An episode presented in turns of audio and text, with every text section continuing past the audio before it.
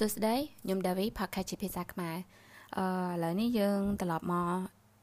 episode ទី9ដែលយើងនឹងមក review អាសភៅ Green Building Illustrated ហ្នឹងអ part 2បញ្ចប់តែម្ដងណាដែលយើងនឹង review ចេញពីចម្ពោះទី10រហូតដល់ចម្ពោះទី19អញ្ចឹងសរុបមកគឺវាមាន10ចម្ពោះប៉ុន្តែនៅក្នុងហ្នឹងខ្ញុំអត់មានពីរចម្ពោះដែលខ្ញុំអត់ review ទេគឺចម្ពោះ10 Thermal Zoning and Compartmentation ហើយនឹងចម្ពោះទី 12គឺ hot and cool water យេដោយសារក្នុងហ្នឹងដូចតកតងជាមួយនឹង hot and cool water ហ្នឹងដូចវាអញ្ចឹងគឺថា mostly វានិយាយតកតងទៅនឹង equipment ណាគ្រឿងបរិក្ខារផងវាដូចក្បាលរមណេដូចជាក្បាលតុបកាឈុកអីចឹងណាព្រោះអីសម្ភារៈគឺគេមានអ្នក design ខាង object ហ្នឹងឲ្យវារត់តាជួយ saving save water save light អីចឹងណាចឹងអាប្រភេទខុសគ្នាតែ light ផ្សេងគ្នាប៉ុន្តែក៏វាជួយ save energy loss ហ្នឹងបានច្រើនដែរចឹង that's why ខ្ញុំមកយកវាមក review ឯងប៉ុន្តែបើសិនបើយើងធ្វើការងារអីទៅវាត្រូវទៅដល់ stage ហ្នឹងចាំយើងចូលទៅមើលសភៅហ្នឹងចឹងខ្ញុំគិតថាខ្ញុំអាច review ទេចឹងខ្ញុំនឹង review ចាប់ចេញពីចម្ពោះទី11មកចឹងចម្ពោះទី11នេះគឺ lighting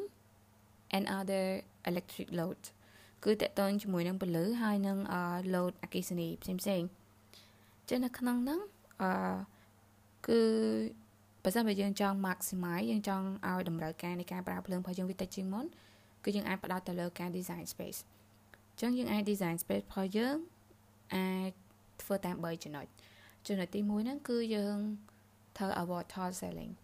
មានន័យថាបន្ទប់បន្ទប់គេងរបស់យើងវាមិនចាំបាច់ដល់កម្ពស់3ម៉ែត្រឬ4ម៉ែត្រទេវាខ្ពស់ពេកវាលើសពីតម្រូវការ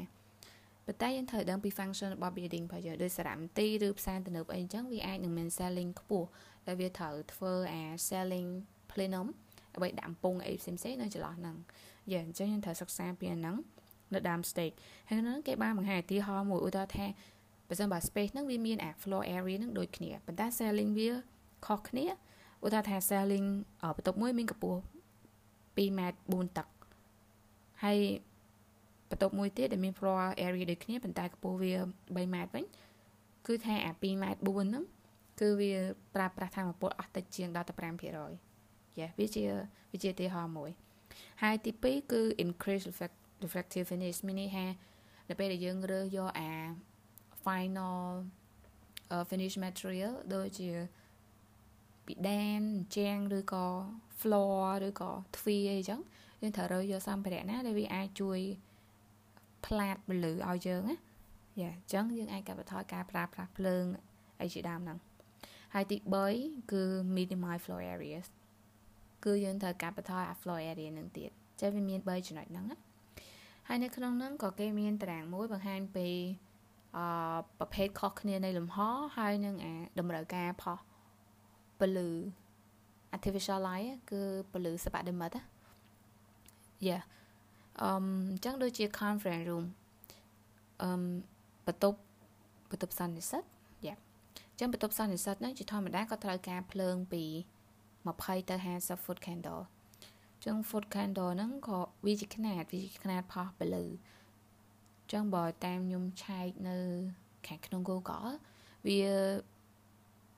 វាជា homemade នៅក្នុងមួយមួយមួយ feet ការ៉េអីគេទេ ពីទៅខ្ញុំមិនដែលបានលើខ្នាតនឹងដែរចុះខ្ញុំសូមនិយាយលម្អិតទេហើយវាមានតារាងនឹងមានតាំងពីអឺ General Office អឺ classroom ថ្នាក់រៀនកន្លែងហាត់ប្រាណ merchandise ដូចកន្លែងយើងអាចដល់ទិញអីវ៉ាន់ឬរោងចក្រអីចឹងវាមានតម្រូវការភ្លើងនឹងខុសៗគ្នាដែរយើងចូលអាចចូលទៅមើលបានណាហើយចំណុចបន្តមកទៀតគឺតកតងទៅនឹង integrate strategy for lighting design អញ្ចឹង ទី1គឺយើងត្រូវដើម្បីកាត់បន្ថយការប្រើប្រាស់ភ្លើងច្រើនយើងត្រូវតែ design space របស់យើងគ្រប់តាម3លក្ខខណ្ឌតែមកមួយទៀតគឺតកតងទៅនឹង strategy ទាំងមូលតែម្ដងដើម្បីកាត់បន្ថយភ្លើងគឺយើងគឺយើងអាចបូកបញ្ចូលទី1គឺការ design space ហ្នឹងជាចំណុចទី1ចំណុចទី2គឺយើងអាច design អារបស់ភ្លើងពូហ្នឹងភ្លើងពូខ្លះ វាមានអា illumination វានឹងអ្នកពលឺនឹងវាចាំងបានប៉ុណ្ណឹងដូចគ្នាឧទាហរណ៍វាចាំងបាន20គឺ20ដូចគ្នាប៉ុន្តែពេលដែលរៀងពូនឹងវាខុសគ្នាឬក៏អា fixture របស់វាខុសគ្នាទិសដៅភ្លើងហ្នឹងវាចាំងដូចចាំងឡើងលើឬចាំងចុះក្រោមឬចាំងចំហៀងអញ្ចឹងគឺវាបំពេញនៅតម្រូវការផ្សេងគ្នាដែរចឹងត្រូវតែរើសឲ្យត្រូវប្រភេទជាមួយនឹង space របស់យើងហើយនឹងមានពីរចំណុចទៀតខ្ញុំអត់សូវច្បាស់ចឹងគឺខ្ញុំអត់អត់អត់លើកយកមកនិយាយដែរណា ហើយបន្តមកទៀតហ្នឹងគឺតកតមួយ control control ហ្នឹងគឺវាមាន4ប្រភេទសម្រាប់ control live control blue ចឹងទី1នេះគេហៅ toggle switch គឺអាអាគេហៅអីខ្មែរណាអាកន្លែងយើងចុចបើកបិទភ្លើងហ៎តែយើងយកដៃយើងចុចអាហ្នឹងគេហៅ toggle switch ហើយទី2គឺ motion switch motion switch នេះគឺភាគច្រើនគេប្រើនៅខាងក្នុងអាគារគឺ វាវាចាប់ sensor sensor ស្មៅឬក៏សំឡេងអីចឹងណាតែយើងដើរកាត់ចឹងវាភ្លឺដើរចេញមកវិញវាល្ងិតវិញអីចឹងណាហើយទី3គឺ photo electric switch អាហ្នឹងភាគច្រើនគេប្រើនៅ outdoor សម្រាប់ control អាភ្លើងតាមផ្លូវអីចឹងអាហ្នឹងគឺដូចនៅខេត្តខ្ញុំអញ្ចឹងតទៅពេលថ្ងៃលិចចឹងទៅខ្ទង់ម៉ោង6ឬ7អីគឺវា គឺវានឹងបើកភ្លើងអូតូហ្មង ហើយទី3គឺ timer switch timer switch នេះបើសិនបើនិយាយស្រួលយល់ដូចភ្លើងចរាចរណ៍គឺវាមាននីតិយើងដាក់នីតិថាក្នុងក្នុងរយៈពេល30 second វាត្រូវដូរភ្លើងបិទភ្លើងឬក៏ប៉ុណ្ណេះភ្លើងអីចឹងយើងត្រូវវាមានការសិតចាអញ្ចឹងអឺតាក់តងទៅនឹងប្រសិនបើយើងចង់ apply green option ទៅលើអា control exterior light ទៅលើអាភ្លើងនៅខាងក្រៅហើយយើងចង់ឲ្យវា green គេនឹង red red ពីពីតិចទៅច្រើនអញ្ចឹងអត់សូវមានគុណភាពហ្នឹងគឺ toggle switch នឹងឯងគឺគេដាក់ប្រើទេនៅខាងក្រៅបន្តមកទៀតគឺ photo electric switch មានន័យថាវាអូតូដែរប៉ុន្តែគឺមួយយប់ពេញគឺវាបើករហូតយ៉ាទី3គឺ timer switch មានថាយើងត្រូវកំណត់តែពេលខ្លះវាវាអត់ safe ទេដោយសារពេលខ្លះយើងកំណត់ទៅចំពេលមនុស្សអត់ប្រើហ្នឹងឃើញអត់ ហើយនឹងចុងក្រោយវារត់តែ greener នោះគឺ motion switch គឺនៅពេលដែលវាឃើញស្មៅឬលឺសំឡេងគឺវាបើកពេលអត់លឺវាបិទទៅវិញក្នុងការកំណត់ណាមួយអញ្ចឹងទៅយេអឺហើយផ្នែកទាំងអស់ហ្នឹងហើយវាជា ចំណុចដែលគេនិយាយនៅក្នុងចម្ពោះទី11ចម្ពោះទី13គឺ indoor environmental quality គឺគុណភាពបរិស្ថាននៅក្នុងអាគាររបស់យើងជាងក្នុងហ្នឹងគេមាន4ផ្នែកលើកមកនិយាយទី1គឺខ្យល់ទី2 thermal comfort ទី3ទឹកហើយនិងទី4 acoustic ចឹងចំណុចទី1តកតជាមួយនឹងខ្យល់ហ្នឹងគឺថាខ្យល់ជាអ្វីដែលយើងចាំបាច់ត្រូវការហើយដកតាមចូលក្នុងខ្លួនរហូតហើយវាបានបំលាស់បដូរចូលទៅក្នុងខួរក្បាលឬក៏បេះដូងរបស់យើងអញ្ចឹងវាសំខាន់មែនតើចុះបើវាមានទុកសារធាតុគីមីឬធាតុបំពុលអីផ្សេងផ្សេងវាអាចធ្វើឲ្យសុខភាពរបស់យើងហ្នឹងក៏វាចុះខ្សោយទៅតាមហ្នឹងដែរជាងត្រូវតែគិតគូរអញ្ចឹងក្នុងនោះវាមាន4វិធីនៅក្នុងការធ្វើឲ្យអាខ្យល់នៅក្នុងអាគាររបស់យើងនឹងមានភាពប្រសើរឡើង ចឹងចំណុចទី1គឺថាយើងត្រូវលុបបំបត្តិឬក៏កាត់បន្ថយមិនលុបបំបត្តិហ្មងយើងហៅថាកាត់បន្ថយកាត់បន្ថយនៅអាប្រភព contamination of ប្រភពនៃការបំពុលជាលក្ខណៈ point ជាលក្ខណៈចំណុចឬក៏ការឡើងពីការដែលមនុស្សគាត់ជក់បារីអញ្ចឹងគាត់ជក់បារីក្នុងផ្ទះយើងគួរតែកាត់បន្ថយទៅជក់នៅក្រៅផ្ទះទី2គឺ contamination capture ការបំពុលតាមលក្ខណៈ capture នេះគឺគេចង់និយាយផ្ដោតទៅលើបន្ទប់ទឹកហើយនៅផ្ទះបាយអញ្ចឹងផ្ទះបាយយើងនៅពេលដែលយើងចំអិនគេអីអញ្ចឹងវាមានបញ្ចេញសារធាតុមេតានអីអញ្ចឹងអានឹងសារធាតុអត់ល្អទេដែលពេលយើងដកដង្ហើមឬវាទៅទុំលើចំណីអាហារទៅពេលយើងញ៉ាំយូរយូរទៅវាអាចកើតមហារីកដែរហើយទី3គឺ filtration filtration នៅក្នុងនេះមានន័យថាយើងត្រូវបំពាក់ឬក៏ install អាម៉ាស៊ីនដែលវាអាចសូបយកអាខ្យល់នៅក្នុងអាគាររបស់យើងបញ្ចេញទៅខាងក្រៅយ៉ា អឺហើយអាហ្នឹងគឺគេដាក់អាចដាក់នៅគ្រប់បន្ទប់ទាំងអស់មិនមិនថាវាជាបន្ទប់ទឹកឬក៏ផ្ទះបាយទេគឺបន្ទប់អីក៏ដោយគឺគួរតែដាក់ព្រោះអីបន្ទប់ផ្សេងផ្សេងដូចបន្ទប់កេងបន្ទប់អីចឹងនៅពេលដែលយើងនៅយូរយូរទៅអាយើងដកដង្ហើមណាដកដង្ហើមចេញវិញយើងមិនបញ្ចេញ CO2 ហើយដូចជាអា dust particle សារធាតុធូលីលំអងធូលីទូចទូចដែលវាកើតមកពីមុងភួយយើងពេលយើងអលាស់យើងអីសិតតែធូលីឃើញហើយ ហើយដូចជាសារធាតុគីមីដែលវាកើតចេញមកពីអា finish material អីហ្នឹងគឺវាផ្ដល់ភាព toxic អីផ្សេងផ្សេងអញ្ចឹងយើងត្រូវតែដាក់ filtration ហ្នឹងហើយទី4គឺ dilution dilution គឺបញ្ច្រាស់មកវិញមានន័យថាវាជាវិធីបន្សាបឬគេហៅថា ventilation ណាបើបើនិយាយស្រួលទៅគឺវាយកអាខ្យល់បរិសុទ្ធពីខាងក្រៅអាគារយកមកចូលនៅក្នុងអាគារវិញ Yep ហើយនៅក្នុងហ្នឹងគេក៏បាន mention ផ្នែកមួយចំនួនដើម្បីកុំឲ្យយើងយល់ច្រឡំណាពេលដែលយើងអានពាក្យហ្នឹងទីមួយគឺ exhaust fan vs air intake for ventilation ចឹងអា exhaust fan ហ្នឹងគឺអា filtration ដែលខ្ញុំនិយាយមិញគឺវាបញ្ចេញទៅក្រៅវាអាចជាអំពង់ផ្សែងឬក៏ជាអំពង់បញ្ចេញធម្មតាអំពង់ផ្សែងហ្នឹងភាគច្រើនគេដាក់នៅផ្ទះបាយយ៉ាប់ហើយតកតងជាមួយនឹង air intake for ventilation គឺវាបញ្ជាក់មកវិញ គឺវាស្រូបចូលស្រូបចូលយកពីក្រៅចូលមកក្នុងហើយនឹងពាក្យមួយទៀតគឺ ventilation ជាមួយនឹង infiltration ventilation វាត្រូវការប្រើម៉ាស៊ីននៅក្នុងហ្នឹងណាវាត្រូវការវាត្រូវមានកង្ហារឬអីផ្សេងដែលវាអាចស្រូបយកខ្យល់បានយេប៉ុន្តែ infiltration វិញគឺ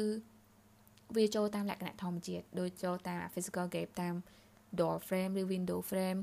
ឬក៏យើងបើកផ្អួយឬក៏យើងបើកទ្វារបើក skylight អីចឹង អញ្ចឹងវាមានអាបណ្ដោខ្យល់ហ្នឹងអាហ្នឹងគេហៅ infiltration ហើយបន្តមកទៀតឲ្យចំណុចតកតងជាមួយនឹងខ្យល់ហ្នឹងដែរហ្នឹងគឺគេមានស្តង់ដាររបស់គេដែរដែលគេបានកំណត់តែក្នុងនេះគេអត់បញ្ជាក់ថាបានមកពី standard ឈ្មោះអីទេប៉ុន្តែក្នុងហ្នឹងវាជាទីតាំងដែលដែលល្អដែលយើងគួរតែដាក់អា ventilation ហ្នឹងគឺ mostly យើងគួរតែដាក់នៅលើនៅលើដំបូលជាជាងដាក់នៅជាប់ដីយ៉ាប់ព្រោះអី ទីតាំងហ្នឹងវាសំខាន់នៅពេលដែលយើងស្រូបយកខ្យល់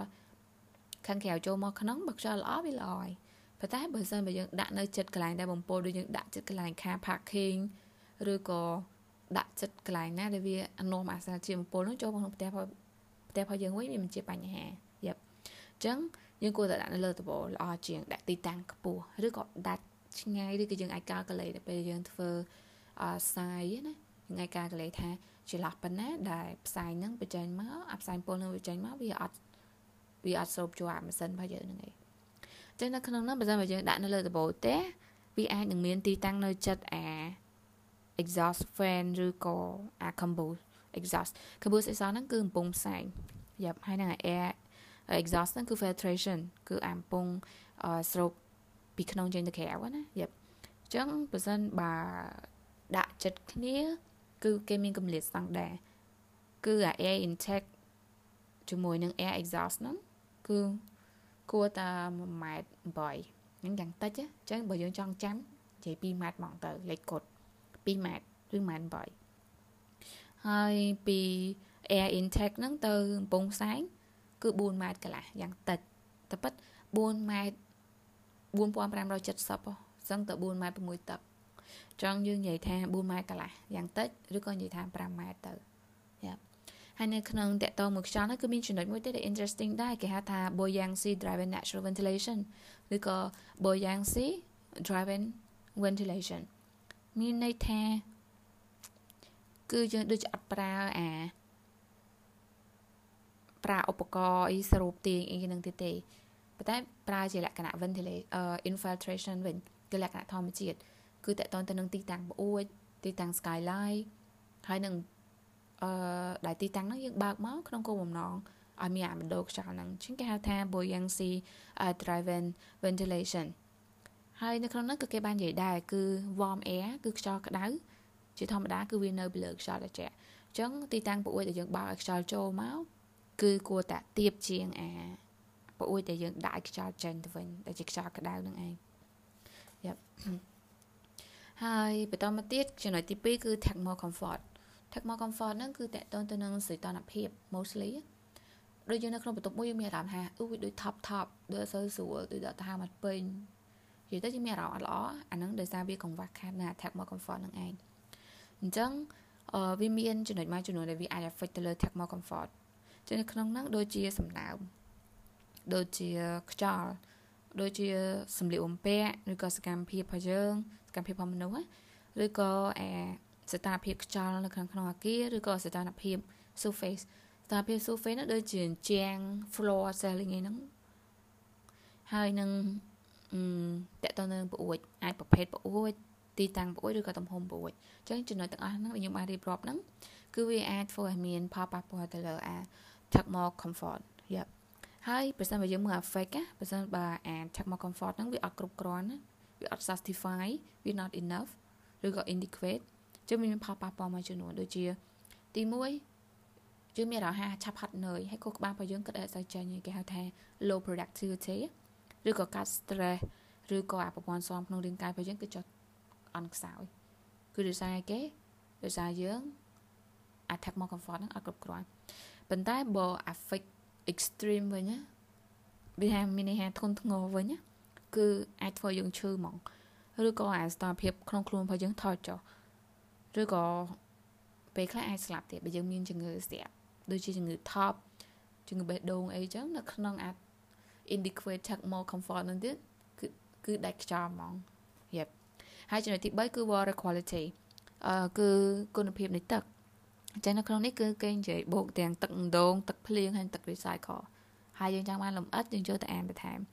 ហើយនឹងទាំងទឹក recycle ទៀតណាហើយចំណុចទី4បញ្ចប់នៅក្នុងផ្នែកហ្នឹងគឺ acoustic គឺសំឡេងជាសំឡេងនេះគឺបែកចេញជាពីរប្រភពទី1គឺ outdoor ហើយនិង indoor ខាងក្នុងនិងខាងក្រៅអញ្ចឹងអឺការបំពោសំការបំពោសំឡេងខាងផ្នែកខាងក្រៅហ្នឹងវាអាចមាន3ចំណុចទី1គឺអាប្រភេទម៉ាស៊ីនធន់ធ្ងន់ណាដែលវាអាចបញ្ចេញសំឡេងលឺលឺ អឺចរាចរឬក៏ភ្លៀងនៅលើតាំងអាស័យជាដើមគឺថ្លង់មែនតើអញ្ចឹងយ៉ាតែអ្នកខ្លះគេប្រក់ក្បឿងគឺស្ងាត់ជ្រាបឬក៏ចាក់បេតុងអីចឹងស្ងាត់ជ្រាបហើយមួយទៀតប្រភពមកពីខាងក្នុងហ្នឹងគឺអាចគឺគេនិយាយតតទៅនឹងនៅក្នុង building មួយវាមាន space ខុសៗគ្នាចឹង space ខ្លះដូចជា space performance ឬ space conference ឬក៏ space music អីចឹងគឺវាតែងតែលឺឲ្យថ្លង់ហើយចឹង បើសិនបើដើម្បី prevent អាហ្នឹងយើងត្រូវដាក់ insulon insulon ការពារសំឡេង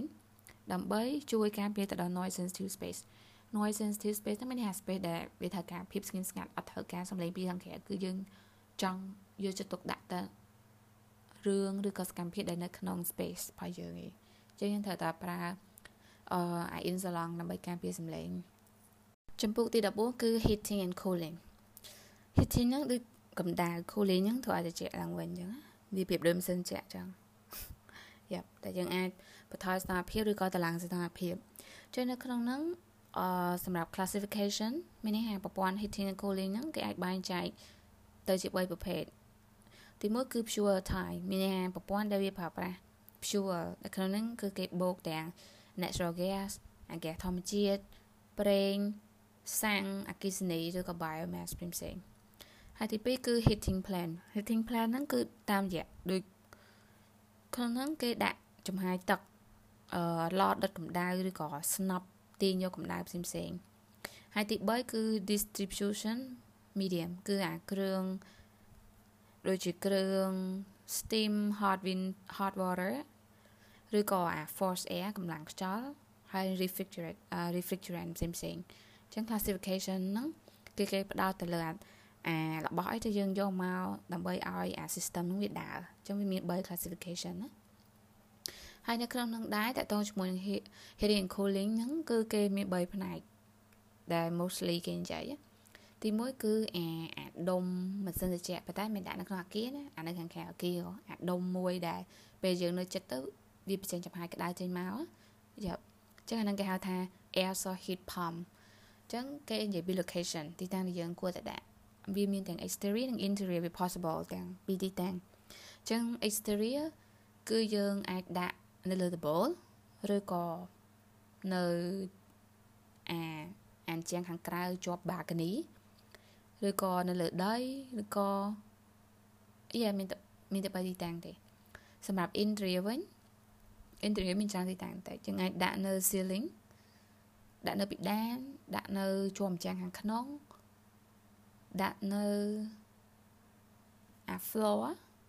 ហើយឬក៏ដាក់នៅដាក់ជាប់អា baseboard baseboard ហ្នឹងក្រៅពីខ្ញុំឆែកវាអាផ្នែកអាផ្នែកមួយដែលគេដាក់បិទបាំងកន្លែងជួញរៀងជាងជាមួយនឹង floor ផ្នែកខាងក្រោមហ្នឹងគេដាក់បិទបាំងអាហ្នឹងគេហៅ baseboard ណាឬក៏គេអាច embedded មានគេគេបញ្ញុកវាចូលទៅក្នុង floor ឬក៏ ceiling structure ឬក៏អា selling plenum ឬ selling suspense អញ្ចឹងវាមានចន្លោះហ្នឹងគេបញ្ញុកវាចូលឬក៏ដាក់វានៅក្នុង closet ឬក៏បន្ទប់ make mechanic ក៏បានអញ្ចឹងអាហ្នឹងជាទីតាំងរបស់ air source heat pump ហើយអឺមកដល់ទី2គឺ duct ductless system Douglas system ហ្នឹងគឺប្រព័ន្ធទាំងអា air source heat pump ហ្នឹងជាមួយនឹងអាម៉ាស៊ីនត្រជាក់មកមានថាវាជាប្រព័ន្ធរវាងអាម៉ាស៊ីនត្រជាក់ហើយនិងអាដុំ ដែលខ្ញុំនិយាយមិញហ្នឹងចឹងវាមាន2មួយគេហៅ mini split system ទី2គេហៅ multi split system អឺ mini split system ហ្នឹងមានន័យថាគឺម៉ាស៊ីនត្រជាក់មួយអាដុំហ្នឹងមួយប៉ុន្តែ multi split system មានន័យថាអាចម៉ាស៊ីនត្រជាក់ច្រើនទៅប៉ុន្តែដុំហ្នឹងតែមួយឯងយ៉ាប់ហើយមួយទៀតគឺ fan coil fan coil unique អឺ មអានងវារៀងពិបាកបញ្យល់តែបើឆែកចូលឆែកមើល image មើលរូបយើងយកមកដោយសារយើងអាសាឃើញដែរអញ្ចឹងណាអានឹងខួលខុយហ្នឹងគឺ mobin mobin ជាមួយនឹងចង្ហាវាជា device ដែលវាមានចង្ហាហើយនឹង mobin ហ្នឹងចូលគ្នាយ៉ាប់ហើយទីតាំងរបស់វាគេដាក់នៅលើអញ្ចឹងក៏បានដាក់ប្រកបចូលទៅក្នុង ceiling ក៏បានឬក៏ដាក់នៅលើ floor ក៏បានយ៉ាប់ ចំពោះទី15 renewable energy គឺធម្មពលដែលយើងអាចអឺអត់បកទេហៅវា renewable energy ហ្នឹងហ្មងទៅគឺ renewable energy ហ្នឹងវាខុសពី energy generated ដូចស្អីគេអា renewable energy ហ្នឹងគឺជាធម្មពលដែលយើងបានមកពីអឺប្រភពដែលវាអាច renewable ដែលវាអាចបង្កើតដែលវាអាចកើតមានរាល់ថ្ងៃបានអញ្ចឹងហើយជាធម្មតាយើងដឹងហើយគឺ ធម្មពលព្រះអាទិត្យនិងធម្មពលខ្យល់ហ្នឹងជាទូទៅគឺគ្រប់គ្នាសិតតែដឹងចឹងគេហៅវា renewable energy ហើយ energy generated ហ្នឹងគឺជាធម្មពលដែលបានមកពីអគ្គិសនីបានមកពីធ្យូងថ្មឬក៏អាអាស្មានធម្មជាតិផ្សេងផ្សេងមានន័យវាប្រើប្រាស់ natural resources ប្រព័ន្ធអឺប្រភពធម្មជាតិទាំងអស់ហ្នឹងដែលវានឹងអាចបាត់ហើយវាអាចកកើតឲ្យតាន់ការប្រើប្រាស់របស់យើងឯងអញ្ចឹងគេហៅវា energy generate អញ្ចឹងអឺតាមពិតណា អា sources អា renewable sources ហ្នឹងគឺវាមាន4ប៉ុន្តែក្នុងជាទូទៅគឺគេនិយាយតែ2សម្រាប់ក្នុង chapter ហ្នឹងគេឲ្យយើងដឹងថា4មែនតែគេនិយាយតែ2ដូចគ្នា ទី1គឺធម្មពលព្រះអាទិត្យទី2គឺធម្មពលខ្យល់ទី3គឺ hot spring hot spring ហ្នឹងក្រោយពីខ្ញុំឆែកជាលក្ខណៈដូចទឹកពុះយើងឃើញនៅតំបន់ខ្លះអញ្ចឹងប្រហែលវាវាអាចអាក្រោមស្ទប់ផែនដីនេះវាក្តៅខ្លាំងវាធ្វើឲ្យទឹកហ្នឹងវាពុះដែលយើងពេលមើលពីខាងក្រៅទៅឃើញទឹកហ្នឹងពុះពុះតែពិតគេមានផាកគេមួយដែលគេហៅអី Yellowstone នេះខ្ញុំបើតាំងចាស់ដូចជា Yellowstone នឹងឯងដែលវាមានទឹកពុះពុះណាអញ្ចឹងអាហ្នឹងគេហៅ hot spring ឬក៏អាចហៅថា hydrothermal spring ឬក៏ geothermal spring ទី4គឺ biomass energy biomass នេះយើងបាននិយាយក្នុង chapter មុនណាទៅតង biomass biomass ហ្នឹងគឺជាសម្ភារៈមួយចំនួនដែលដែលយើងត្រូវនិយាយទៅសម្ភារៈទាំងអស់ហ្នឹង នៅពេលដែលយើងដុតទៅយកទៅប្រើប្រាស់ទៅគឺវាបញ្ចេញអាកាបូនឌីអុកស៊ីតឬ CO2 ហ្នឹងគឺតិចមែនតើអញ្ចឹងវាល្អនៅក្នុងការប្រើប្រាស់អឺបន្តមកទៀតក្នុងចម្ពោះហ្នឹងគឺគេនិយាយច្រើនតកតទៅនឹងបើសិនបើយើងចង់ install អា solar panel ហ្នឹងគឺគេនិយាយឡើងលំអិតថាតាំងពីដំបូងដែលយើងត្រូវស្រូបយកអាពលិព្រះអាទិត្យហ្នឹង មកដោយរបៀបម៉េចហើយវាត្រូវបំលែងតាមរយៈអា solar panel ហ្នឹងមកមិនមិនហើយមកយើងដាក់មកប្រើប្រាស់អីចឹងគឺគេនិយាយលម្អិតមែនតើសូម្បីតែអា tempo ខ្យល់គឺយើងត្រូវប្រើអា wine turbine ណាអាចង្ហាលធំធំ slaver ហ្នឹងគឺយើងត្រូវគិតពីទិសដៅគេខ្លះមានយើងត្រូវ generate size តទៅទៅនឹងទិសដៅផុសខ្យល់លបឿនខ្យល់ក្នុងរយៈពេល1ម៉ោង1ខែឬ1ឆ្នាំអីចឹងគឺគេនិយាយច្រើនលម្អិតអាហ្នឹងប៉ុន្តែខ្ញុំមិនអាចយកមក review បានទេគឺយើងចូលមើលទៅតែនៅក្នុងនេះខ្ញុំ interesting នៅលើអឺមួយគេហៅថា solar thermal system គឺដើម្បី generate យកអាធម្មពលអឺព្រះអាទិត្យហ្នឹងមកជាធម្មពលអគ្គិសនីក្នុងនោះវាមានពីរលក្ខណៈមួយគេហៅថា passive មួយទៀត active អញ្ចឹងអឺ passive passive solar energy ហ្នឹងគឺគេចង់និយាយថាពីរបៀបនៃការយើងដាក់ solar panel ហ្នឹងហើយយើងស្រូបយកពន្លឺព្រះអាទិត្យប៉ុន្តែវាអត់មាន ត្រូវការឧបករណ៍ពីខាងក្រៅដើម្បីជួយវាដូចជាប្រព័ន្ធ mechanic ឬប្រព័ន្ធអគ្គិសនីដើម្បីជួយវាសូប harvest អា tempo ព្រះអាទិត្យហ្នឹងឲ្យបំលែងទៅជា tempo អគ្គិសនីគឺវាត្រូវការទាំងអស់ហ្នឹងឯងចឹងគេហៅវា passive ឯ active វិញគឺវាបញ្ជ្រាបពីនឹងវាត្រូវការ external system មួយចំនួនដើម្បីជួយវាប៉ុន្តែលក្ខណៈផុសអា solar thermal system ហ្នឹងគឺវាមាន3លក្ខណៈដូចរួមគ្នា ទី1គឺត្រូវមាន collection ការប្រមូលទី2គឺ stock ទុក storage ហើយនិងទី3គឺ control គឺការគ្រប់គ្រងចំពោះទី16គឺ material គឺតកតងមួយសម្ភារៈអញ្ចឹងមុននឹងយើងនិយាយដល់សម្ភារៈហ្នឹងមានអីគេខ្លះយើងមកកលេចមើលថាតើនៅពេលដែល building material processing ហ្នឹងវាអាចមានផលប៉ះពាល់អីគេខ្លះទៅលើបរិស្ថានរបស់យើងជាងក្នុងនេះមាន4ចំណុចទី1គឺការទៅរករកអា material អស់ហ្នឹងសម្ភារៈអស់ហ្នឹងដូចយើងត្រូវទៅកាប់ព្រៃឈើយើងត្រូវ អឺខួងរូងភ្នំដើម្បីទៅយកថ្មយកសម្ភារៈអីផ្សេងផ្សេងណាអានទី1ទី2គឺ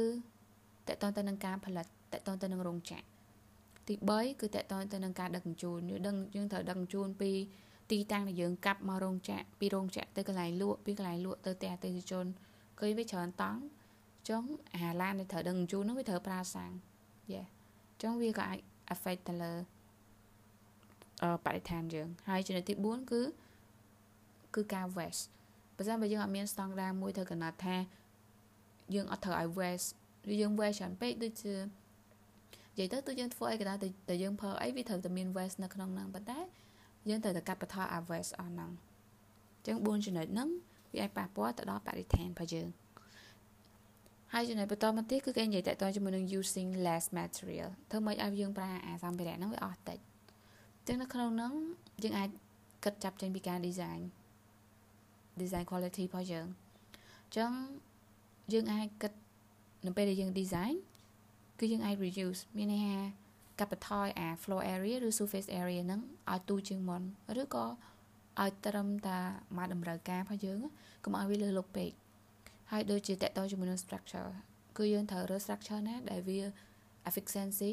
ឬគឺឬក៏វាល្អសម្រាប់ប្រភេទនៃអគាររបស់យើងមានន័យថាពេលខ្លះយើងដាក់សញឹកពេកអញ្ចឹងវាធ្វើឲ្យខាតវាធ្វើឲ្យខាតអា material យើងត្រូវទៅយកយកទៅធ្វើគ្រឿងបង្គុំអស់ហ្នឹងហើយដូចជា ពេលដែលយើង design ប្លង់ថ្មី យើងជា new generation ពេលខ្លះយើងក៏លេចមើលស្តង់ដារនឹងដែរប៉ុន្តែយើងអាចបង្កើតស្តង់ដារថ្មី ដែលវាមានអតិពលឬក៏វាអាចសំចៃសម្ភារៈហ្នឹងច្រើនជាងមុនអញ្ចឹងយើងអាច ត្រូវ planning ឬ design ប្លង់មុននឹងចាប់ផ្ដើមធ្វើហើយក៏វាមានតកតងទៅនឹងយើងអាច expose selling មានន័យថាយើងអាចធ្វើជាលក្ខណៈនៅពេលយើងធ្វើសសរយើងមិនចាំបាច់លាបថ្នាំទេយើងយក expose wall expose ceiling ហ្នឹងយកធ្វើជា material finish មកអញ្ចឹងឃើញយើងអត់ខាត material finish ទេអញ្ចឹងវាជាវិធីសាស្ត្រមួយចំនួននៅក្នុងការប្រើ material ហ្នឹងឲ្យអស់តិចយេ ហើយនៅក្នុងនឹងដែរអាហ្នឹងយើងនិយាយតកតងជាមួយនឹងការ design space ប៉ុន្តែបើសិនបើតកតងជាមួយនឹងសម្ភារៈខ្លួនវាហ្នឹងគឺយើងក៏អាចកាត់បន្ថយដែរទីមួយដូចជាយើងត្រូវប្រើសម្ភារៈណាដែលប្រើគឺប្រើឡើងវិញបានគេហៅ reuse material ហើយទី2គឺសម្ភារៈដែលវាអាច recycle ដូចរបស់ខ្លះវាចាស់យើងប្រើកាតមែនប៉ុន្តែនៅពេលដែលយើងយកវាទៅកំទេចចោលយើងអាចកិនវាយកមកធ្វើជាអីផ្សេងសម្ភារៈថ្មីណាមួយទៀតប្រភេទមួយទៀត ហើយយ៉ាគឺមានពីរហ្នឹងហើយនៅក្នុងហ្នឹងក៏គេមាន technical word មួយចំនួនដូចជា embody energy embody energy នេះគឺជាធម៌ពលដែលគេផ្ដោតទៅលើអឺធម៌ពលដែលយើងត្រូវប្រើប្រាស់ពេលដែលយើងផលិតសម្ភារៈហ្នឹងរៀបចំឬក៏ដឹកជញ្ជូនសម្ភារៈហ្នឹងមកមកផ្សាយពីយើងចាធម្មពលដែលប្រើប្រាស់ទាំងអស់ហ្នឹងគេហៅថា embody energy ហើយក៏មាន repeatedly renewable material មានអាសម្ភារៈដែលវាអាចកើតឡើងមកវិញបានយ៉ាងឆាប់រហ័សអញ្ចឹងតកតងទៅនឹង LED rating system គេបានបង្ហាញថាសម្ភារៈមួយចំនួនដែលវាអាចកកើតឬក៏ដុះឡើងវិញហ្នឹងក្នុងរយៈពេល10ឆ្នាំអញ្ចឹងអាហ្នឹងគេឲ្យឈ្មោះវាថា repeatedly renewable material ដែល mostly ខ្ញុំឃើញភាគច្រើនគេយកមកធ្វើ furniture យកមកធ្វើ finish material អីផ្សេងផ្សេងនៅក្នុងហ្នឹងឧទាហរណ៍គេមានឧទាហរណ៍យប់ដូចជា bamboo flooring អឺអាកម្រាល finish ជាអាស័យឬក៏អា insulation កតុងជាកបាសឬក៏កម្រាល fiber ដែលធ្វើពីពោតឬក៏ទូកញ្ចក់ដែលគេធ្វើពី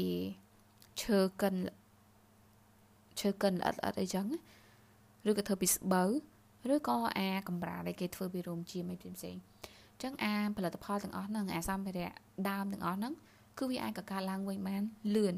ហើយឆាប់រហ័សហហើយក្នុងចម្ពោះនឹងដែរក៏គេមាននិយាយតទៅទៅនឹង natural material ដែលសម្ភារៈធម្មជាតិទាំងអស់ហ្នឹងគឺ mostly គេយកមកធ្វើគ្រឿងគ្រឿងបង្គុំក៏បានធ្វើជាមិនមែនជាគ្រឿងបង្គុំក៏បាន ចឹងក្នុងនោះមានដូចជា straw bale ចឹង straw bale នេះគឺអាចចំបើងដែលគេយកមកចាក់ជាមួយផុកជាមួយដីអីចឹងណាហើយធ្វើវាទៅជាដុំដុំតែវាអាចជា structure ដែរទី2គឺ ram earth ram earth ហ្នឹងគឺដីដែលគេដែលគេចាក់នៅក្នុងពុំមួយប៉ុន្តែភាគច្រើនគឺចេញមកជាលក្ខណៈបើអញ្ចឹងគឺអញ្ចឹងមកផ្ទាំងហ្មងយ៉ាប់ adobe adobe យើងមិញ adobe វិញគឺ aggregate អាធាតុផ្សំរបស់វាហ្នឹងគឺស្តៀងទៅនឹង ram earth ដែរប៉ុន្តែវិធីសាស្ត្រនៅក្នុងការអឺផលិតទៅជាផលិតផលសម្រាប់ហ្នឹងគឺខុសគ្នាគឺគេអត់ចាក់ជាអញ្ចឹងមកផ្ទាំងទេប៉ុន្តែគេចាក់ជាដុំដូចដុំអត់អញ្ចឹងតែធំធំខូបខូបវិញគឺដោយ adapt ដែរដោយ adobe ដែរគឺចាក់ជាដុំប៉ុន្តែវាអត់មានពុំទេគឺហើយក៏វាមិនមែនចាក់ដោយម៉ាស៊ីនដែរគឺចាក់ដោយដៃមានន័យយើងអាចយើងប្រើដៃយើងយកទៅធ្វើ ចឹងវាមានលក្ខណៈសិល្បៈច្រើនជាងយ៉ាហើយក្នុងហ្នឹងក៏គេបាន mention ទៅលើ wood ឈើហើយនឹងថ្មដែរយ៉ាចំពោះទី17គឺ schedule sequence and affordability ចឹងវាដូចជាមាន3ចំណុចប៉ុន្តែអា schedule មួយ sequence ហ្នឹងគេដាក់ចូលគ្នាដែល schedule មួយ sequence ហ្នឹងគឺគេផ្ដោតទៅលើអឺគឺគេផ្ដោតទៅលើ processing នៃការ design ហើយនិងការសាងសង់ណា ហើយ affordability គឺតកតងជាមួយនឹង cost តម្លៃចឹង schedule មួយ sequence យើងដឹងហើយថា green building គឺវាមាន general principle មួយ គឺគេតែងតែ design ពី outside in mostly គឺវាជាវិធីសាស្ត្រដែលល្អជាងគេទូទៅពីខាងក្រៅខាងក្នុងប៉ុន្តែបើសិនបើយើងកលេចមើលអា sequence approval សម្រាប់ការងារទូទៅដែលអគ្គផ្ដោតទៅលើ green building ទេគឺវាមាន3ដំណាក់កាល ទី1គឺ zoning and site planning approval មានន័យថាគឺតកតទៅនឹងការរៀបចំ site របស់យើងរៀបចំ boundary របស់យើងហើយ zoning អាចតកតងជាមួយនឹងប្លង់បាត building configuration ទៅ building shape អីចឹងទៅនេះដំណាក់កាលទី1យើងថា approve ហ្នឹង approve ហ្នឹងចប់ចូលដំណាក់កាលទី2គឺ building permit building permit នេះតកតងជាមួយនឹងការសាងសង់ហើយនឹងទីអាចនិយាយថាជាពេលតែកំពុងតែសាងសង់ ហើយទី3គឺ building inspection and certificate of occupation occupancy ចឹងនៅក្នុងហ្នឹងគឺ building inspection ហ្នឹងគឺការត្រួតពិនិត្យទៅលើកាគាហើយនឹងការរង្វាយតម្លៃទៅលើរបៀបថាប្រព័ន្ធប្រព័ន្ធទឹកប្រព័ន្ធភ្លើងអីហ្នឹងវាមានគ្រប់គ្រាន់ក្នុងការប្រើប្រាស់នៅអាហ្នឹងវាជា3ដំណាក់កាលទូទៅនៃនៃ sequence ដែលគេ approval តែប៉ុន្តែបើសិនបើយើងកលេចមកលើ green building design របស់យើងវិញ គឺវាត្រូវមានចំណុចមួយចំនួនដែលយើងត្រូវតែគិតមុនមុន approval មក approval មុន approval ដែលខ្ញុំបាននិយាយ3ខាងលើហ្នឹងចឹងទីមួយគេហៅថា owner project requirement គឺតកតទៅនឹងតម្រូវការរបស់ម្ចាស់ផ្ទះហ្នឹងតែម្ដងឬក៏ហៅជាអក្សរកាត់គឺ OPR គឺតកតជាមួយនឹង schematic design គឺយើងត្រូវដឹងពីសាយយើងត្រូវដឹងពីតម្រូវការក្រៅពីក្រៅពីដឹងតម្រូវការរបស់អតិថិជនយើងត្រូវដឹងពីសាយ យើងត្រូវគិតពីរូបរាងផលអគារគិតពីភាគរយផលប្រអួយនៅលើអញ្ចឹងអញ្ចឹងតើហ្នឹងរឿងទាំងអស់ហ្នឹងមុននឹងយើងកាត់មាន approval ដល់ stage ទី2 approval ហ្នឹងគឺតកតងទៅនឹង design development គឺដូចជាយើងក្រោយពីមាន concept ហើយគឺយើង develop វាគឺ develop យើង optimize ទៅលើពន្លឺទៅលើ HVAC គឺ heating ventilation and air conditioning គឺអា heat and cooling air អីផ្សេងៗហ្នឹងយេហើយ thermal zone ជាដើមអស់ហ្នឹងអញ្ចឹងវានៅក្នុង develop uh, design development ទី stage ទី3គឺ approval ទៅលើ construction document មានន័យមុននឹងយើង construction យើងត្រូវមានអាឯកសារក្នុងការ construction ហ្នឹងថាថាអា detail drawing នេះយើងបានគូមកហើយនៅអា construction ដែលយើងបានជ្រើសរើសហ្នឹងគឺវាត្រឹមត្រូវឲ្យអស់នៅគឺគេមាន approval តាមតង់អញ្ចឹងវាស្រួលដល់នៅពេលដែលយើងកែកំហុស យើងមិនចាំបាច់បកទៅកែពីដំបូងហ្មងឯងដោយសារយើងពិនិត្យតង់មកតង់មកតង់យ៉ាងអញ្ចឹងយើងកែជាលក្ខណៈតង់តង់ដូចគ្នាហើយដល់ stage ទី4ជា stage ចុងក្រោយគឺ building permit គឺការសាងសង់ចុងក្រោយនឹងឯងដែលគេផ្ដោតទៅលើ3ចំណុចធំធំទី1គឺគ្រឹះគ្រឹះផ្ទះហ្នឹងទី2គឺ open wall ប្រហែលជាអឺ structure ផលអញ្ចាំង structure ផលពីដានអីចឹងណាយ៉ាហើយនឹងអាក្រោយមកចំណុចទី3គឺ final គឺតកតងទៅនឹង finish material ពេលយើង final បញ្ចប់ថាក្រោយពីយើងមាន foundation ក្រោយពីយើងមាន structure ទៅគឺមាន final inspection ហ្នឹងមកមុខទៀតអញ្ចឹងយើងមកមើលថាហេតុអីមិនគេចាំបាច់មានអាអាអាអា3ចំណុចហ្នឹងអញ្ចឹងគេត្រូវត្រួតពិនិត្យទៅលើ foundation ហ្នឹងគឺដើម្បីថាតើយើងត្រូវចាំបាច់ត្រូវដាក់ insulation material អត់មុននឹងយើងហ្នឹងត្រូវដាក់ concrete ពីលើទី2តកតងជាមួយនឹង open wall inspection ហ្នឹងគឺយើងត្រូវពិនិត្យអស់ឲ្យហើយថាយើងត្រូវដាក់ insulation ត្រូវប្រកប wire អីគេខ្លះមុននឹងយើង apply a finish material ហើយណា final inspection ហ្នឹងគឺយើងត្រូវត្រួតពិនិត្យឡើងវិញទៅលើអាប្រព័ន្ធធម្មពលទាំងអស់ហ្នឹងសារឡើងវិញ Yep ហើយមកដល់ affordability នេះ cost នេះគឺគេចែកចេញជា3ក្រុមធំធំហើយពេលគេចែក3ក្រុមនោះទៅមានរហ័សវាងាយស្រួលយល់អញ្ចឹងណា ហើយយើងអាចរើសបានថាយើងចង់នៅក្នុងកម្រិតក្រុមណាដែលជាទូទៅពេលយើងសាងសង់គឺគេមានពីរបែប construction គេយកមកប្រៀបធៀបឲ្យយើងមើលទី1 traditional construction គឺការសាងសង់តាមបែបពីមុនបែបចាស់ហើយចឹងទៅហើយទី2គឺ reboot construction គឺការសាងសង់រឹងមាំអញ្ចឹងការសាងសង់រឹងមាំហ្នឹងហើយគឺវាមាន3ក្រុមអញ្ចឹងក្រុមទី1គេហៅថា construction cost saving គឺការ save លុយនៅពេលដែលយើងធ្វើការសាងសង់ហេតុអីបាន green building វា save លុយក្នុងការសាងសង់ដោយសារអីដោយសារយើងបានកាត់បន្ថយអា floor area surface area កាត់បន្ថយអឺការខ្ជិះខ្ជាយនៅកំឡុងពេលសាងសង់កាត់បន្ថយអា exterior door កាត់បន្ថយប្អួចអឺហើយដូចជាក្នុង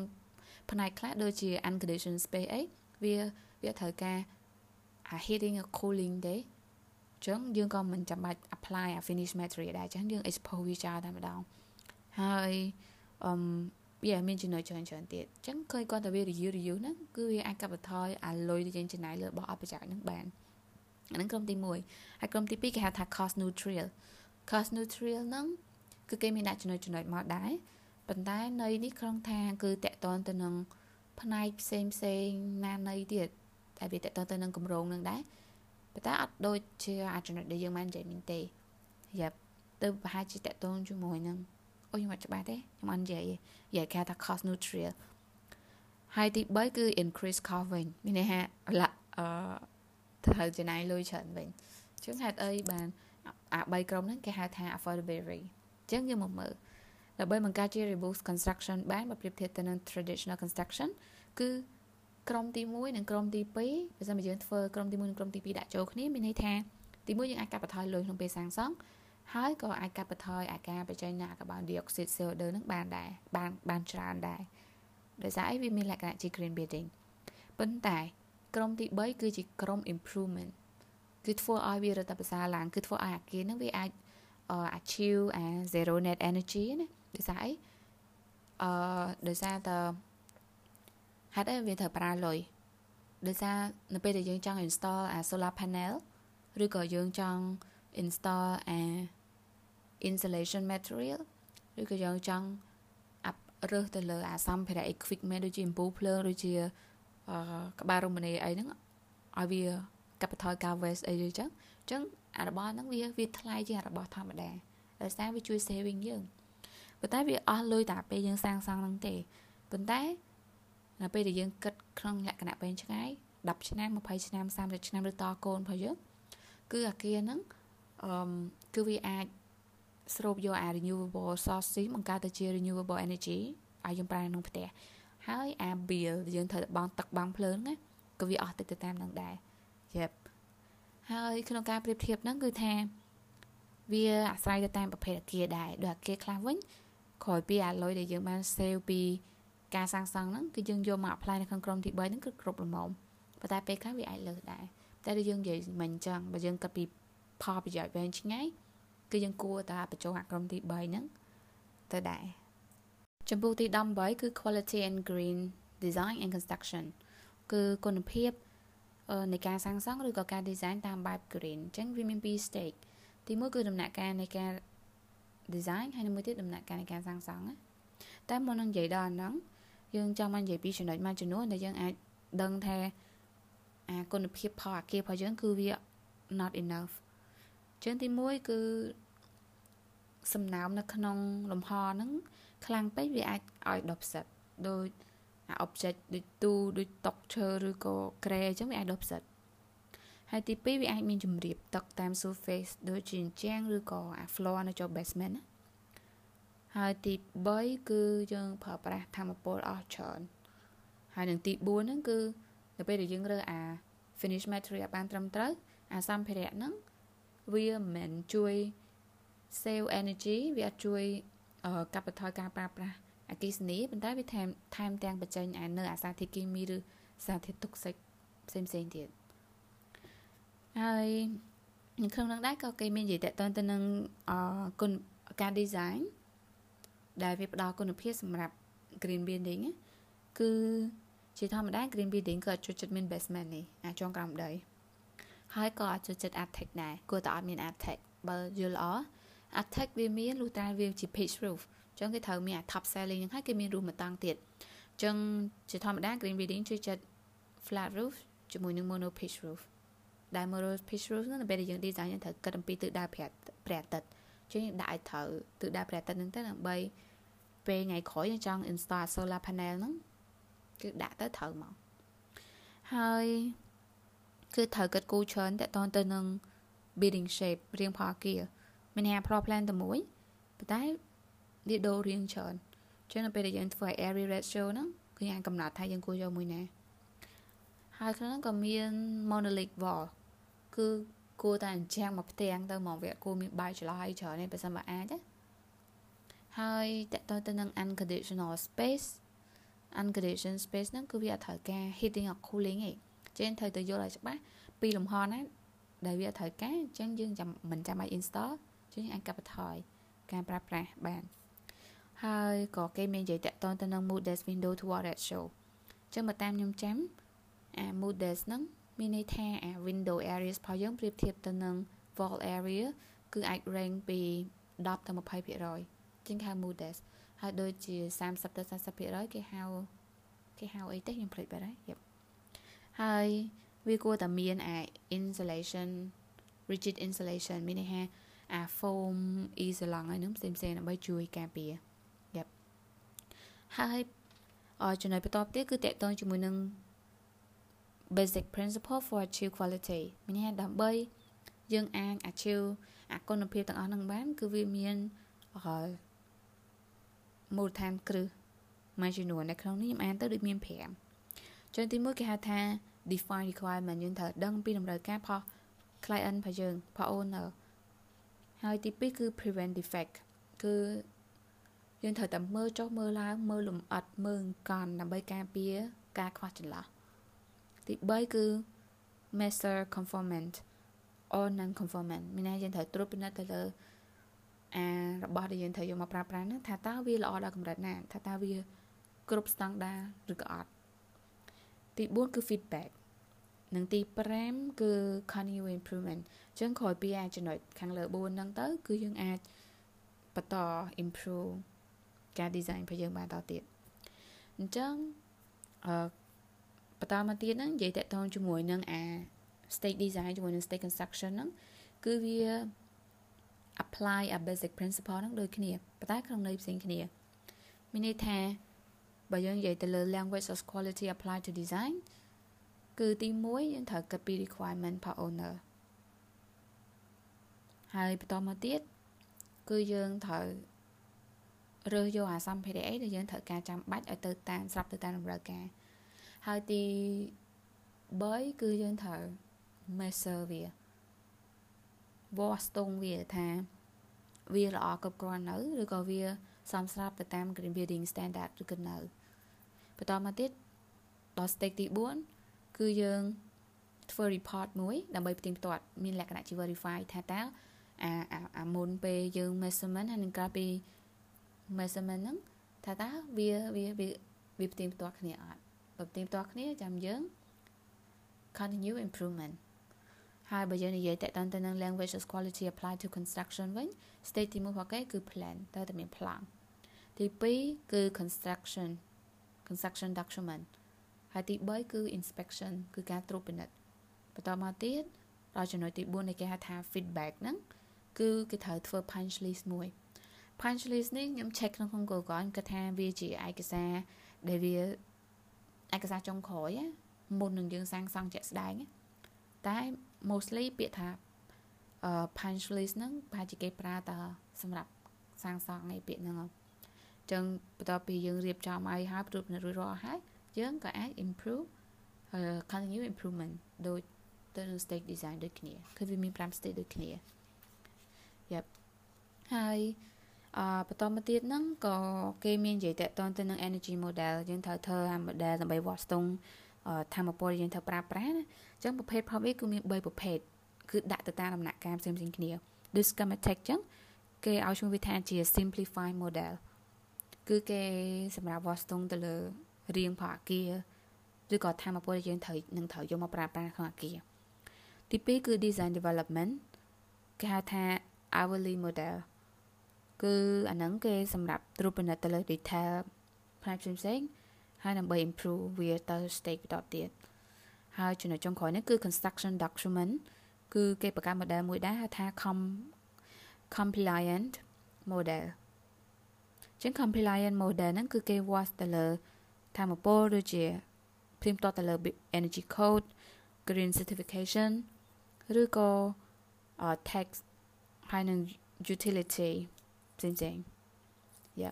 ហើយនៅក្នុងចម្ពោះណាគឺគេនិយាយច្រើនមែនតើតកតនទៅនឹងដូចជាគេឲ្យជាតារាងឲ្យយើងមើលនឹងឧទាហរណ៍តកតនទៅនឹងអឺពលឺដែលប្រើនៅខាងក្នុងដូចប្រភេទ space អញ្ចេះគួរ interior life គួរប្រហែលភាគរយអញ្ចឹងទៅហើយតកតនទៅនឹងអា window to ratio ហ្នឹងក៏គេមានដាក់នៅក្នុងចម្ពោះនឹងដែរចឹងខ្ញុំគិតថាចម្ពោះនេះប្រហែលជាខ្ញុំចូល check ច្រើនដងហើយពេលដែលខ្ញុំត្រូវ design project អីមួយចឹងណាយ៉ាចម្ពោះទី9គឺ conclusion conclusion នេះគឺគេផ្ដោតទៅលើពីរចំណុចទី1ទំនាក់ទំនងរវាង green building ជាមួយនឹង beauty beauty នេះដូចជាសម្រាប់ផលអគារឬក៏សភនភាពផលអគារអញ្ចឹងគឺក្នុងខ្ញុំបានឃើញនៅ clear មួយគឺថាបើសិនបើយើងចង់ achieve green building ហ្នឹងជាធម្មតាអាគារហ្នឹងក៏អត់សូវស្អាតតាមនឹងដែរយប់ ដោយសារវាមានលក្ខណៈ conventional បកបកអីចឹងទៅប៉ុន្តែយើងត្រូវដឹងថាសម្រស់នៃអាគារគឺយើង define ខុសគ្នា beauty គឺយើង define ខុសគ្នាអ្នកនេះគិតថាបែបនេះស្អាតតែអ្នកនោះគិតថាបែបនោះស្អាតចឹងពេលខ្លះអាគារដែលវាមានដាក់ solar panel វាអាចជាស្អាតអាគារដែលអត់សូវមានប្អួចមានភាពស្ងប់ស្ងាត់វាអាចនឹងស្អាតសម្រាប់អ្នកផ្សេង ចឹងតកតងជាមួយនឹង beauty នេះគឺយើងរៀនពិបាកចាច់តិចហើយនឹងចំណុចទី2ហ្នឹងគឺតំណែងតំណងរវាង green building ជាមួយនឹង nature តែក្នុងហ្នឹងក៏អត់សូវមាននិយាយអីច្រើនដែរគឺ green building ជាមួយនឹង nature វាមាន compact បែបម៉េចតែយើងយើងអត់និយាយពីអាផលប៉ះពាល់ទៅលើបរិស្ថានទេណាប៉ុន្តែជា ថាតើ green building ហ្នឹងវានៅពេលដែលយើងមើលពីផ្សាយទៅវាចូលទៅក្នុងធម្មជាតិបានដោយរបៀបម៉េចគេចង់បានអីអញ្ចឹងវិញមិនមានន័យថាអឺ green building វាដឹងតែល្អសម្រាប់បរិស្ថានហើយដោយសារវាអត់បញ្ចេញកាបូន CO2 វាកាត់បន្ថយការប្រើប្រាស់សម្ភារៈចឹងយើងអត់កំ pl ែងព្រៃឈើយើងអត់ត្រូវរុករុករៀនផែនដីយប់ហើយវាកាត់បន្ថយការប្រើប្រាស់ធម្មពលហើយវាក៏ជួយអឺផ្នែកផ្សេងផ្សេងច្រើនទៀតដែរ យ៉ាចឹងប៉ុន្តែក្នុងន័យនេះគឺចង់និយាយថាពេលយើងដាក់គៀននៅក្នុងសាយហ្នឹង green building នៅក្នុងសាយណាមួយនៅក្នុង community ណាមួយថាតើវាអាចចូលឬក៏សម្របឬក៏មើលទៅ harmony ជាមួយនឹង nature art ក្នុងន័យហ្នឹងយ៉ាចឹងគឺថាវា conclusion នេះគឺអត់សូវវែងទេគឺខ្លីហើយចំណុចចុងក្រោយក្រៅពី chapter ទី19ដែលខ្ញុំបាននិយាយពីមុនហ្នឹងគឺតើតើនឹង LED LED rating system ហ្នឹង គឺយ៉ាគេបាននិយាយថាគេ rate គេដាក់បន្ទុកមិនមិនដែលជាធម្មតា LED rating system ហ្នឹងគឺវាមាន7 credit គឺមាន credit 7ដែលយើងអាចចូលដែលគេអ្នកជំនាញហ្នឹងគេមើលតាម credit មួយមួយហើយគេឲ្យរង្វាតម្លៃឲ្យបន្ទុកទៅតាមចំណុចចំណុចទៅតាមហ្នឹងយ៉ាប់ចឹងនៅក្នុងនោះមាន7ប្រភេទណាណាវាជាគេ update គឺ LED 4គេហៅ LED ហើយលេខ4 គឺគេប្រើនៅអាមេរិកហ្នឹងនៅឆ្នាំ2013ហើយគេបានអាប់ដេត LED 2009មួយទៀតដែលគេដាក់ប្រើប្រាស់នៅឆ្នាំ2013អញ្ចឹងបើសិនបើយើងចង់ដឹងថា credit នឹងអីគេគេដាក់បន្ទុកមិនម៉េចហើយបន្ទាប់មកគេឲ្យ certificate ខាង green building កម្រិតណាអីហ្នឹងយ៉ាយើងចូលទៅមើលទៅហើយអឺសភៅនេះគឺអត់ខកបំណងទេហើយអ្វីដែលខ្ញុំសប្បាយចិត្តហ្នឹងគឺថាក្រោយពីខ្ញុំអានអា green building ហ្នឹងទៅ ការងារខ្ញុំបន្ទាប់ ថ្មីនេះគឺត្រូវធ្វើ sustainable building គឺ green building ហ្នឹងឯងអញ្ចឹងយ៉ាសម្រាប់មិនថាគ្នាយើងត្រូវធ្វើកិច្ចការហ្នឹងឬមិនត្រូវធ្វើទេយើងអានទៅយើងដឹងច្រើនហើយសភៅនេះក៏សន្មតថាចាប់តែប៉ុណ្្នឹងទេយ៉ាប់បាយបាយ